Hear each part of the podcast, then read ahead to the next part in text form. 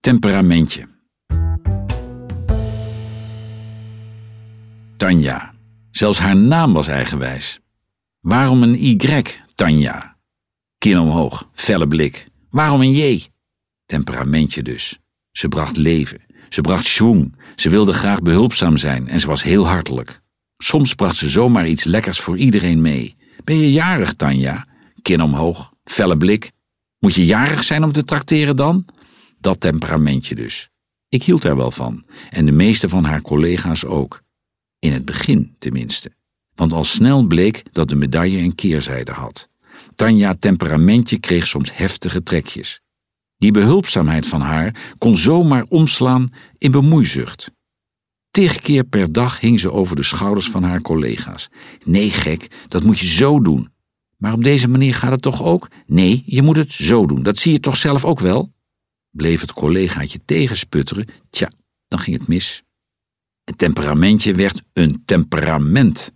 De hartelijke, behulpzame Tanja werd een blazende kat. Neem van mij aan, dat was een indrukwekkende vertoning. En als je er wat van zei, dan was het: Oh, is het hier verboden om iemand te helpen dan? Precies hierom had ze nog geen enkele baan kunnen houden. En ook bij ons was ze steeds moeilijker te handhaven. Ze kweekte onrust. Haar collega's werden er ziek van. Ik moest iets doen. Nou, dat was niet gemakkelijk. Probeer maar eens iemand die alles beter weet te vertellen dat ze iets niet goed doet. Ik nodigde haar uit voor een bakkie, met iets lekkers erbij. En daarbij trok ik demonstratief, hartje zomer, een paar dikke handschoenen aan. Ik ken mijn spreekwoorden. Geen katje om zonder. Tanja lachte, zoals alleen Tanja dat kan.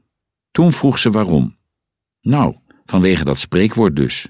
Kin, blik, het hele arsenaal. Wie? Ik? Toch, het was een opening. Zelf wist ze ergens ook wel dat er iets mis was. Dus zijn we gaan oefenen. Eerst onderling, toen op de werkvloer. Ons codewoord? Handschoen. Ook ging ze op een agressietraining. Nee, niet om dat temperamentje kwijt te raken. Om de scherpe kantjes eraf te slijpen. Het ging langzaam, maar het ging. Eerst bij ons, op de werkvloer. En ook nu, in haar nieuwe loopbaan. Ik ben laatst op haar huidige werkplek wezen kijken. En ja hoor, daar was ze dan, Tanja Temperamentje. Onderwijsassistent. Ze stond net over de schouder van een leerling gebogen. Hm, ja, dat kan je zo doen, zei ze behulpzaam. Maar als je het nou eens zo probeerde.